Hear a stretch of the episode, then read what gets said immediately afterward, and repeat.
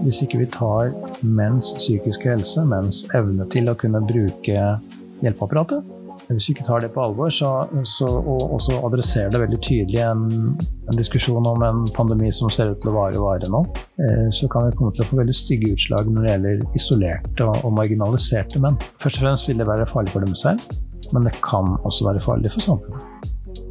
Dette sa Are Såstad, daglig leder i Reform ressurssenter for menn, i første episode av Likestillingspoddens nye miniserie Snakk om det, mann.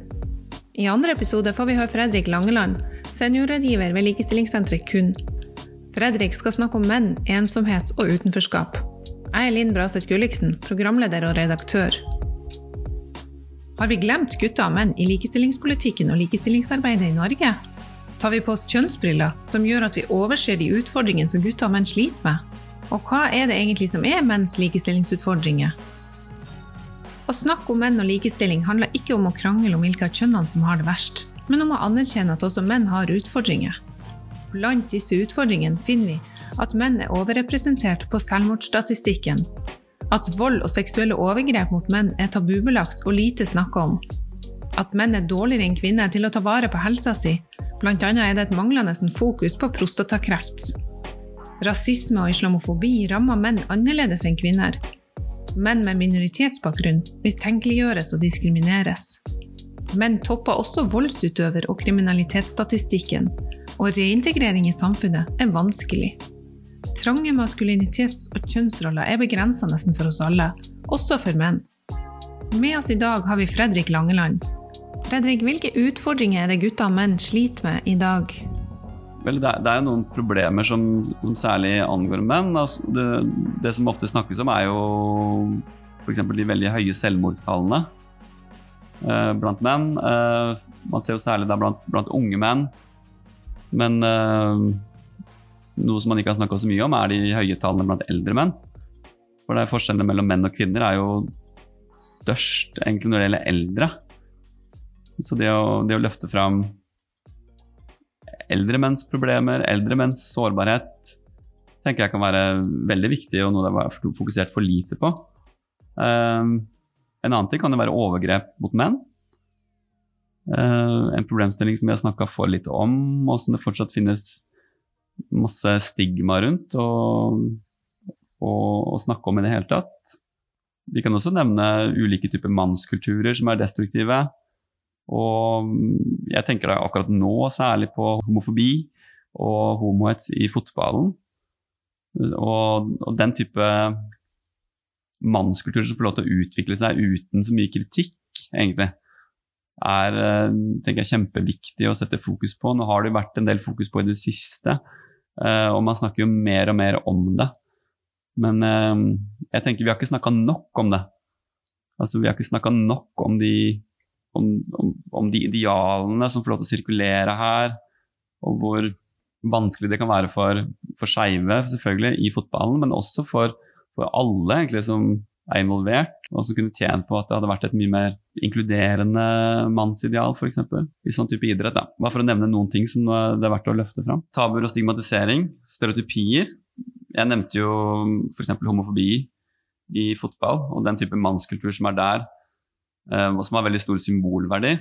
Akkurat det har det vært veldig mye fokus på i det siste, med den Kastrati-saken og eh, det som var i, i, i fotballen. Det var en fotballspilleren på Kristiansund fotballklubb som kom med en homofob bemerkning. som kalte Vålerenga-treneren eh, faghomofosoper.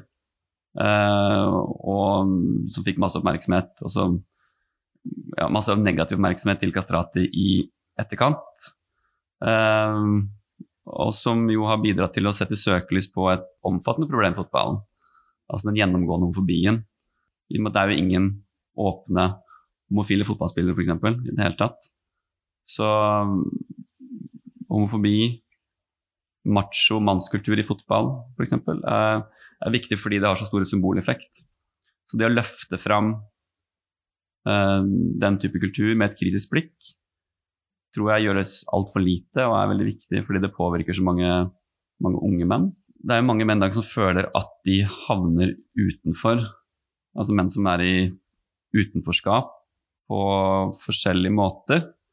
Jeg har lest noen artikler og statistikk som viser at eh, tidlig frafall i skolen gjør at sjansen for følelsen av utenforskap er større enn hos de som fullfører utdanning. Kan du si noe om dette? Skolen er jo selvfølgelig kjempeviktig. Viktig altså, man ser mange, mange, gutter og unge menn som detter ut tidlig, altså på ungdomsskolen, mot slutten av barneskolen også. Og det handler jo både om, om kjønn, altså, det handler også om om, eh, om klasse, altså sosial bakgrunn. Eh, for det er, jo, det er jo ikke sånn at alle typer type gutter havner eh, utenfor. Det er ofte de som kommer fra hjem uh, hvor foreldre har lav utdanning, f.eks., som er særlig sårbare. Eh, så mot slutten av barneskolen, tidlig ungdomsskolen, Eh, er jo en periode hvor man ser at ja, mange begynner å havne utenfor allerede da. Så man må begynne ganske tidlig for å hindre at du får disse skillene hvor du får uh, de som havner utenfor. Og hvis man i tillegg da ikke lykkes f.eks. i idrett, uh, i det sosiale, så har det ganske stort potensial for å få, få unge menn som havner i en sårbar situasjon. For det vi ser blant mange av de som er eh, som ikke passer inn, altså som ikke gjør det bra på skolen, som ikke funker så godt i idrett, er jo at mange, mange isolerer seg og havner på gutterommet og sitter mye hjemme aleine. Og da har du en situasjon hvor man veldig fort kan komme borti miljøer på nett Eh, som kan der, der man kan møte likesinnede, der man kan møte andre eh, som er i lignende situasjoner.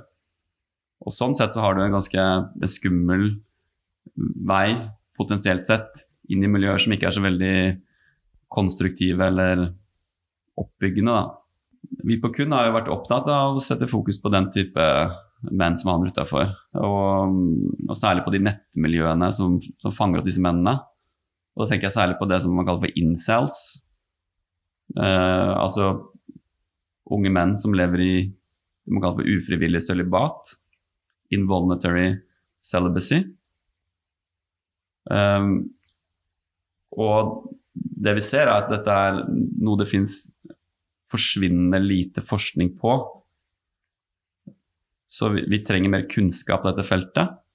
Um, og derfor har jeg kun blitt med på et prosjekt sammen med Linn Prøyt, som er forsker ved Høgskolen i Østfold. Og vi er i gang nå med å søke finansiering på et prosjekt som kan gi oss mer kunnskap. Hvor vi bl.a. ønsker å gå ut og intervjue incels, for det har den omtrent ikke blitt gjort før. Er det noen særskilte typer menn det er viktig å rette søkelyset på? Akkurat nå i dag så finnes det veldig mange menn som opplever et utenforskap. Ja, det kan kanskje være spesielt viktig akkurat nå i forhold til korona. Altså hvor man sitter hjemme og tilbringer mye tid aleine. Det gjør jo veldig mange. Men der er det mange unge menn, gutter, som kanskje fra, fra før har falt utafor. Altså ikke lykkes så godt på skole, ikke ja, gjør det bra i idrett, eh, f.eks. Uh, eh, og kanskje som, som kommer fra hjem med lavt utdanningsnivå og som har noen sårbarhetsfaktorer. Da. Og jeg tror det er veldig viktig å, å, jobbe med å inkludere akkurat disse eh, mennene, som man ikke blir fanga opp av miljøer, kulturer, gjerne nettkulturer, eh, som er veldig flinke på, på, å tiltrekke seg de som ikke passer inn, da, og som skaper et rom, og som på en måte inkluderer disse her inn i i miljøer fordi de ikke passer inn andre steder. Og så bruker man på en måte det utenforskapet på ulike måter, og da gjerne på, på destruktive måter eller negative måter.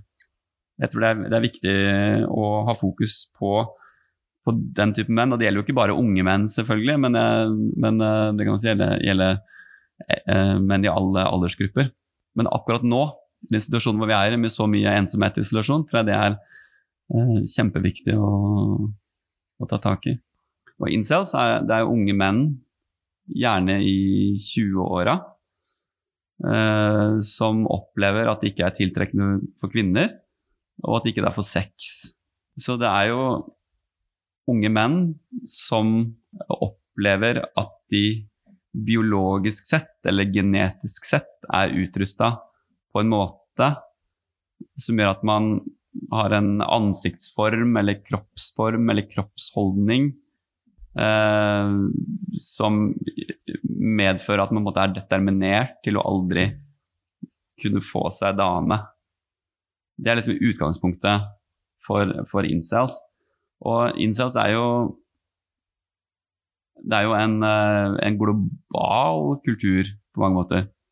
Det har jo utspring eh, fra USA som en sånn uh, støttegruppe for, for, personer som ikke kunne få seg kjæreste, men har jo utviklet seg til å bli en mer sånn reindyrka mannskultur. og hvor man har masse forskjellige typer nettforaer som er eksklusive for incels. I tillegg til at man da er aktive liksom, anonyme chattekanaler som Reddit og 4chan uh, osv. Incels har et sånt veldig veldig mørkt verdensbilde, vil jeg jo si, hvor de opplever at de at, de, i, uh, at sannheten om hvordan verden er, altså deres sannhet, er da at at det, det, det, er et urettferdig, på en måte. Altså det er noen type menn som kvinner er tiltrukket av, og, og de, de, kaller det for chads, eh, eller en type alfahann, som har en type sosial makt eller utseende eller kapital som gjør at de alltid er tiltrekkende for kvinner. Og så har du det incels, som er på en måte på bånn, og som aldri kan få seg kjæreste eller få sex. Men dette er deres egen eh, oppfatning? Dette er deres helt egen oppfatning. Og de har et helt eget univers med egne begreper, egne teorier om hvordan uh, verden henger sammen, eller hvordan det sosiale samspillet fungerer. Da. Og de bygger jo alt på sånne biologiske forklaringsmodeller som handler om at hvis du har en sånn, sånn type ansiktsform eller kroppsholdning, så vil du på en måte alltid være tiltrekkende. Og hvis du ikke har det, så vil du aldri kunne være det. Så de er utrolig fiksert på sånne ting ved kroppen som kjevebein eller nese, altså sånn, sånne eh, bitte små ting som de, som de som det, som det, er veldig vanskelig å, å forandre på. Da. På utseendet, ja. Uh, og de tenker at altså, utseendet er på en måte alt, da. Uh, og det indre betyr liksom ingenting, sier incels. Selv om samfunnet sier det motsatte, så er det en løgn, da, mener incels. Så du blir helt lurt til å tro at liksom, det, er, det, er, det indre som betyr noe. Men i realiteten, når du skal gå ut og prøve å få kjæreste, eller gå på Tinder, eller ikke sant, altså, så, så, vil du alltid, eller kvinner vil alltid foretrekke den som er pen. Så utseende betyr alt. Og når man ikke har et rett utseende, så har man ikke noe mulighet. Da har du ikke noe sjans. Da har du på en måte fortapt, da, sier incels i, i, sitt verdensbilde. Så, så, sånn sett så forsvinner man inn i et mørke. Uh, og man dyrker liksom et mørke i denne subkulturen. For det er jo en subkultur i veldig stor grad, uh, med helt sånn spesifikke begreper for, uh, for, kvinner og menn.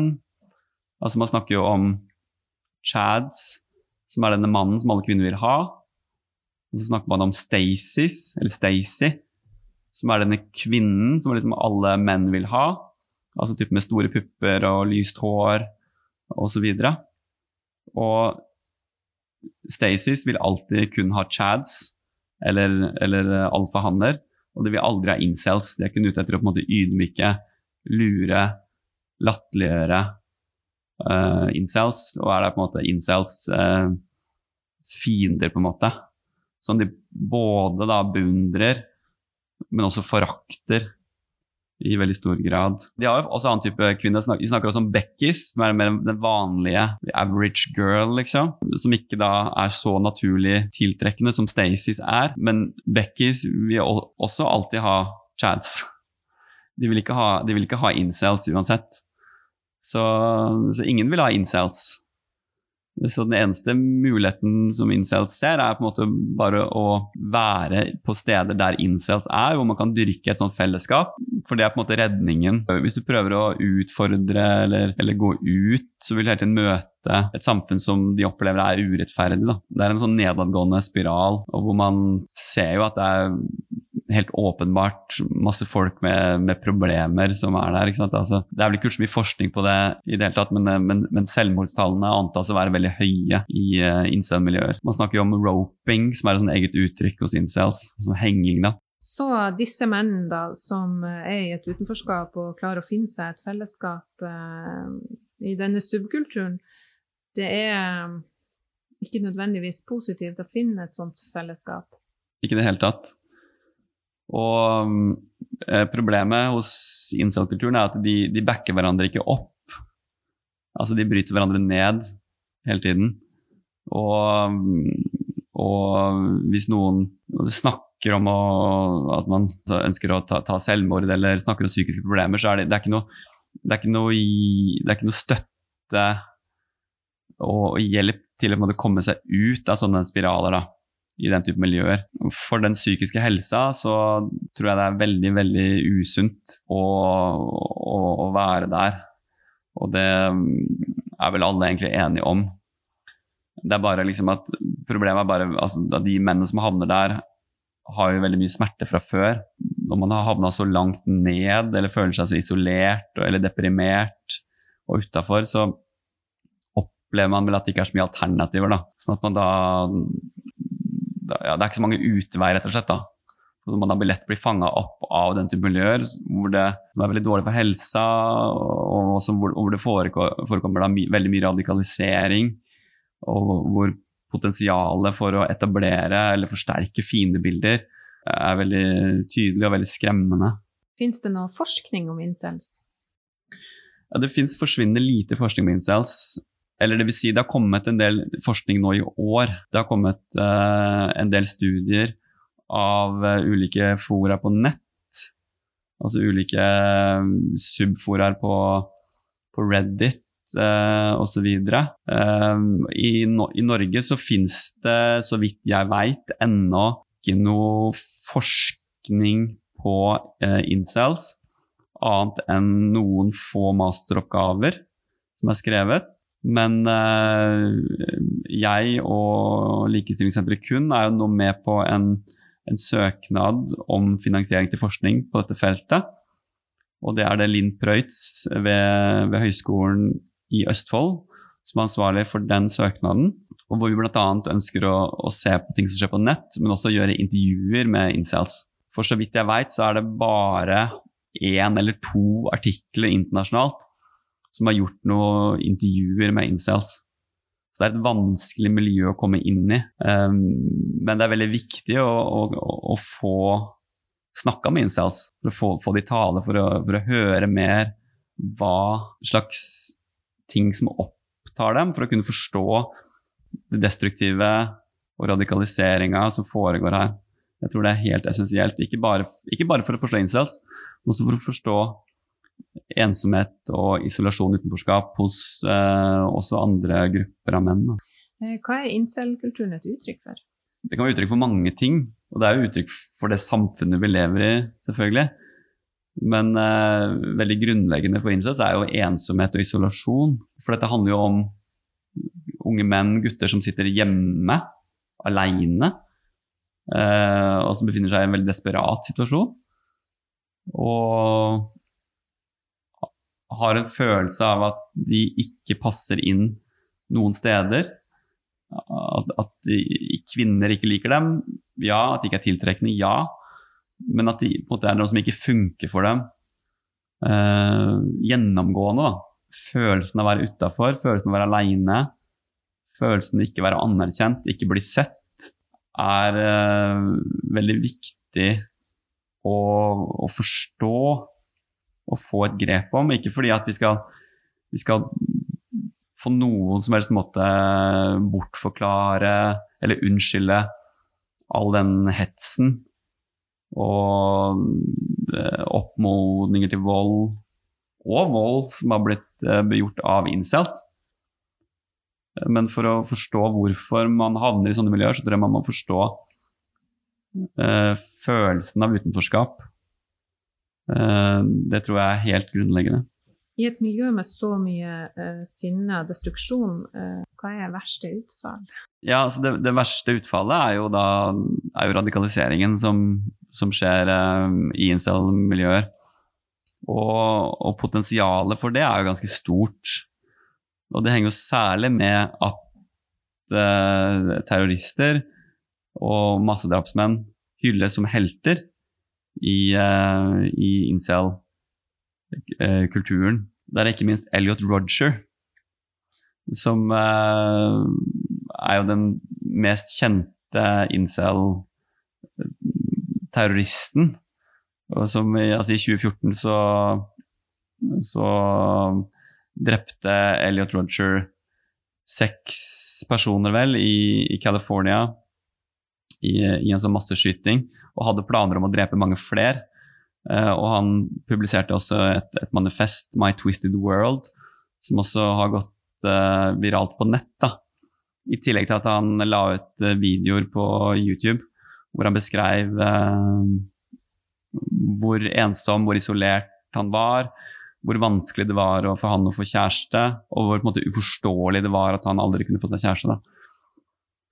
Så Elliot Roger er jo det klareste eksempelet på en heltedyrkelse av massedrapsmenn i incel-kulturen. Men det er også flere andre som, som, går igjen når man har sånne type idoler som går igjen i sånne type nettmiljøer i en situasjon jo, i dag hvor man har telefoner, PC-er, TV-skjermer, hvor man kan spille av innhold å være en sånn strøm av medieuttrykk, bilder, døgnet rundt. Uh, og du kombinerer det med den smerten, isolasjonen som mange av disse unge mennene opplever, så har du en ganske, ganske skremmende miks uh, av radikalisering, indoktrinering, som det er veldig viktig å ha et fokus på framover. Og en annen ting som jeg vil legge vekt på også, er jo at incels er jo Ja, det er subkulturer. Det er lukka miljøer. Men du finner også i dag masse eh, incels som er på YouTube, f.eks. Eh, som legger ut videoer der. Og så ser man kommentarfeltene på YouTube, f.eks. Så ser man at det er, ganske, det er ganske omfattende, det miljøet som også er i en sånn kultur som er mye mer mainstream enn mange av de lukka foraene som man vanligvis assosierer med incels. da.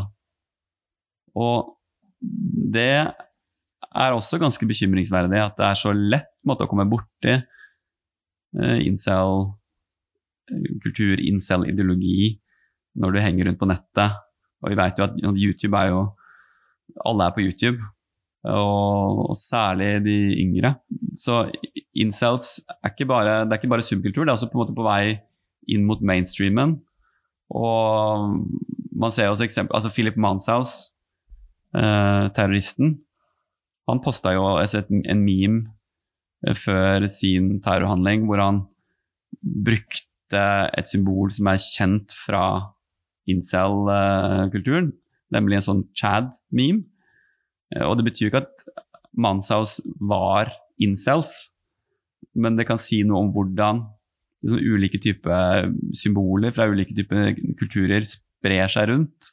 Hvordan de blandes, eh, hvordan de sirkulerer. Hvordan de måte får betydning da, uh, utover de måte, små miljøene som de kommer fra. Så, ja, så det tenker jeg er et skremmende bilde nå, hvordan, hvordan det, det, når så bredt ut. da. Er det noe man kan gjøre for å forhindre at unge menn føler behov for å oppsøke denne type miljøer? Ja, man må, man må jo komme inn før man har havna for langt inn i dette universet, da. Så man må på en eller annen måte klare å, å fange dem opp før isolasjonen har blitt så, så sterk, eller før følelsen av utenforskap er så markant, og før, før man er så fortvila at man bare synker inn i det mørke universet. Da. Så man må, man må, man må tidlig inn. Man må inn før, langt før man er havna i 20-åra. Uh, og så være obs på, på, de mennene som er sårbare, rett og slett. Det, det, tror jeg, det er ikke noe sånn Det er vanskelig å ha noen sånn quick fix på akkurat det, det spørsmålet, fordi det er, så, det er så mange det er så mange prosesser som bidrar til ensomhet og isolasjon for, for, unge menn. Men uh, det i hvert fall trenger, er mer forståelse og kunnskap uh, om hvordan disse miljøene fungerer, og hvordan, uh, ja, hvordan radikaliseringa Absolutt, men også hvordan liksom, veien inn da, er. Fins det noe foreldre og eventuelt lærere kan være på vakt mot? Altså, kvinnehatet er jo, er jo framtredende. Aggresjon mot kvinner. Og hvis man får kjennskap til at noen uttrykker seg på den måten overfor kvinner, eh, på veldig negative måter, eh, eventuelt begynner å, å bruke uttrykk som, Chads og Stacys f.eks., eh, så tenker jeg det, det, kan være ting som er verdt å, å være oppmerksom på. da. Eh, for hvis man, hvis man, kjenner igjen uttrykk fra den kulturen, så betyr det jo det at, at man har brukt noe tid på å enten være på liksom, incel-foraer på nett, eh, eller i hvert fall ha snappa det opp andre steder. Eh, så det tenker jeg i hvert fall kan være verdt å, å ha sånn grunnleggende kjennskap til.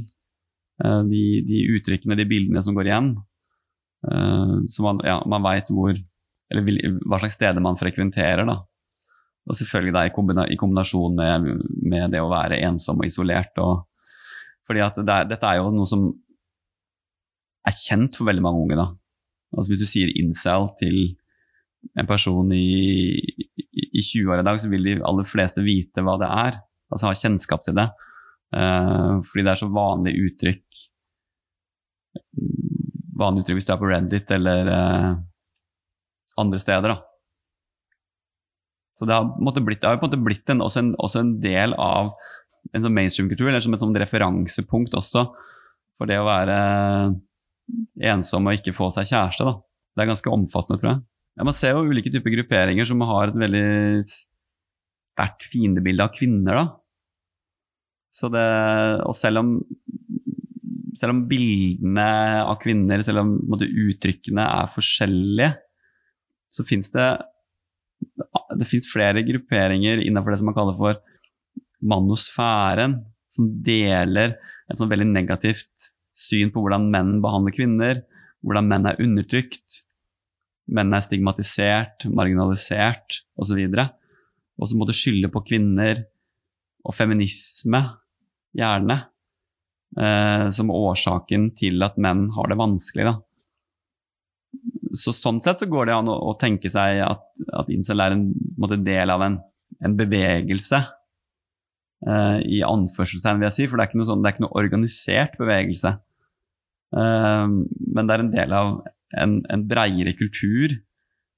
Så når man på en måte ser det under ett, har noe til felles som handler om negativt syn på kvinner, en sånn tilbake til mer sånn tradisjonelle kjønnsroller, for eksempel. Det kan være at man befinner seg politisk på høyresida. Uh, ja, og selv om det er veldig mye forskjeller i ulike typer mannsbevegelser, mannsgrupperinger også, så finnes det en god del fellestrekk som, uh, som er ganske bekymringsverdig, da, og som på en måte utgjør en Eller ulike typer grupperinger som har sterk tiltrekningskraft.